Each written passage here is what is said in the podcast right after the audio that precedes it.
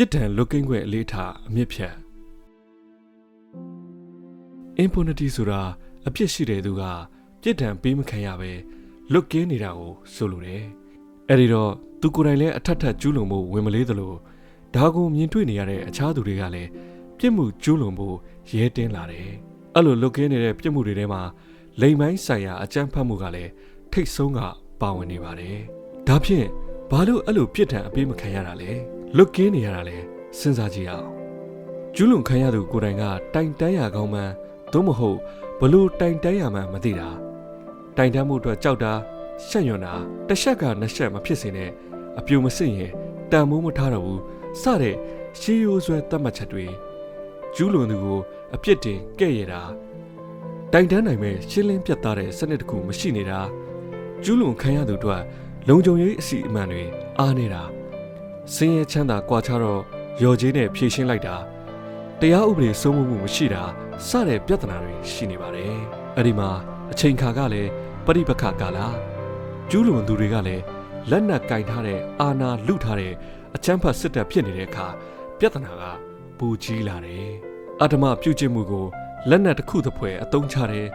စိတ်ပိုင်းဆိုင်ရာထိခိုက်ပြိုလဲစေမယ်အကြောက်တရားဝင်စေမယ်ပေါ့ဖူဝါဒလွန်ကဲနေတဲ့အဖွဲ့အစည်းတစ်ခုရဲ့ ဖတ်စစ်စရိုက်တွေလို့ဆိုနိုင်ပါတယ်အဲ့တော့အောက်ခြေစစ်သားတွေဟာဒီလိုလောက်ရက်တွေကိုတွေ့ရမှုမရှိဘဲလှုပ်ရဲလာတယ်အုပ်စုဖွဲ့မရင်းချင်တာဖခင်လင်းယောက်ျားသားသမီးတွေရဲ့ရှေ့မှာပြုတ်ကျင်တာကလေးမွေးပြီးစမီးနေတဲ့တွေတက်ကြီးရွယ်တွေကအစအာရမပြုတ်ကျင်တာပြုတ်ကျင်ပြီးတပ်ပစ်တာတွေစတဲ့ရက်ဆက်မှုတွေကိုကျူးလွန်ခဲ့ကြတယ်ဒါတွေကအခုတော်လှန်ရေးမှာဖြစ်တာမဟုတ်ဘူး အခြားသောတိုင်းရင်းသားဒေသတွေမှာနှစ်ပေါင်းမြောက်များစွာကတည်းကရှိနေခဲ့တဲ့အရာပဲဒါပေမဲ့တရားမျှတမှုကိုမရှာဖွေနိုင်ခဲ့ကြဘူးလူမသိသူမသိကိစ္စတွေမပြောနဲ့မီဒီယာတွေမှာကြဲကြဲပြန့်ပြန့်ပါလာတဲ့ကိစ္စတွေကအစားကျူးလွန်သူတွေကိုအပြစ်မပေးနိုင်ခဲ့ဘူးဘာလို့လဲဆိုတော့ကျူးလွန်သူကလည်းစစ်တပ်ကဖြစ်တယ်လို့အုပ်ချုပ်သူကလည်းစစ်တပ်ကဖြစ်နေလို့ပဲတစ်ဖက်မှာလည်းဒီလိုသတင်းတွေဆို သတင်းတုတွေအဖြစ်ပုံဖော်မှုယုံမှားမှုတွေရှိခဲ့ကြတယ်ဒါကြောင့်အတန်ထွက်တာဖိအားပေးတာတွေမှာလည်းအားနည်းချက်တွေရှိခဲ့တာပေါ့တိုင်းရင်းသားလူနည်းစုတွေကသာပြောနေတယ်လို့ဖြစ်ခဲ့တာဒီလိုနဲ့စစ်တပ်ရဲ့အကြမ်းဖက်မှုတွေဟာဘောင်ကျလာခဲ့တယ်အရင်ကအမှုမဲ့အမှတ်မဲ့သဘောထားမိခဲ့တဲ့လိန်အကြမ်းဖက်မှုကိစ္စတွေကကိုနဲ့အနည်းဆုံးကိုရောက်လာခဲ့တယ်အဲ့လောက်ထိဖြစ်နိုင်ပါမလားအပူပြောနေတာလား ထင်ရတဲ့စစ်တပ်ရဲ့ရက်ဆက်မှုတွေကိုမျက်ဝါးထင်ထင်မြင်လာခဲ့ကြရတယ်ရလတ်အနေနဲ့တိုင်းပြည်တစ်ပြည်လုံးကစွတ်စွတ်စီးစီးနဲ့စစ်ဖက်နှက်အောက်ကလွတ်မြောက်ဖို့ကိုတော်လန်နေကြပြီဖြစ်တယ်ပြောရရင်အစိုးရကအကောင့်ပေါ်ဒီလိုပြစ်ဒဏ်မပေးဘဲအထက်ထက်ကျူးလွန်ခွင့်ပြုနေရတဲ့အခြေအနေကိုအဆုံးသတ်ဖို့ကလည်းတနည်းပဲရှိတယ်အဲ့ဒါຫນွေဦးတော်လန်ရင်အောင်မြင်ဖို့ပဲဒီတော်လန်ရဲ့အဆုံးသတ်ပန်းနိုင်ဟာဘာလဲဆိုရင် စစ်အာဏာရှင်စနစ်ကိုအဆုံးသတ်ဖို့ဖြစ်တယ်2020မတိုင်မီကအခြေအနေကိုပြန်သွားဖို့လောက်မဟုတ်ဘူးဒီလိုသာဆိုရင်ဒီမိုကရေစီအတူရောင်ကိုပဲပြန်ရအောင်ပါစစ်တပ်ကကျူးလွန်နေတဲ့အကြမ်းဖက်မှုတွေကိုခံရအောင်ပါအဲ့ဒီလိုစစ်တပ်ကိုအယက်သားအစိုးရရဲ့အောက်ကိုပို့နိုင်တော့မှသာသူတို့ရဲ့ဥပဒေမဲ့လောက်ရက်တွေကိုအရေးယူနိုင်မယ်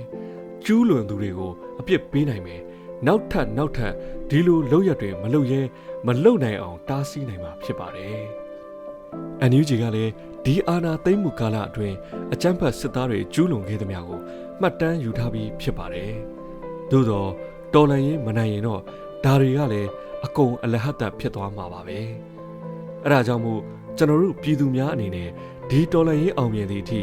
အင်တိုက်အားတိုက်ပါဝင်ကြဖို့လိုပါတယ်။ဒါမှသာဖက်စစ်စစ်တပ်ရဲ့လိမ်ပိုင်းဆိုင်ရာကျူးလွန်မှုတွေကိုအပြစ်ပေးအရေးယူနိုင်ပြီးနိုင်ငံအနှံ့အပြားက အကြမ်းဖက်ခံခဲ့ရတဲ့အမျိုးသမီးတွေ LGBT တွေအတွက်တရားမျှတမှုကိုရှာဖွေပေးနိုင်မှာဖြစ်ပါတယ်။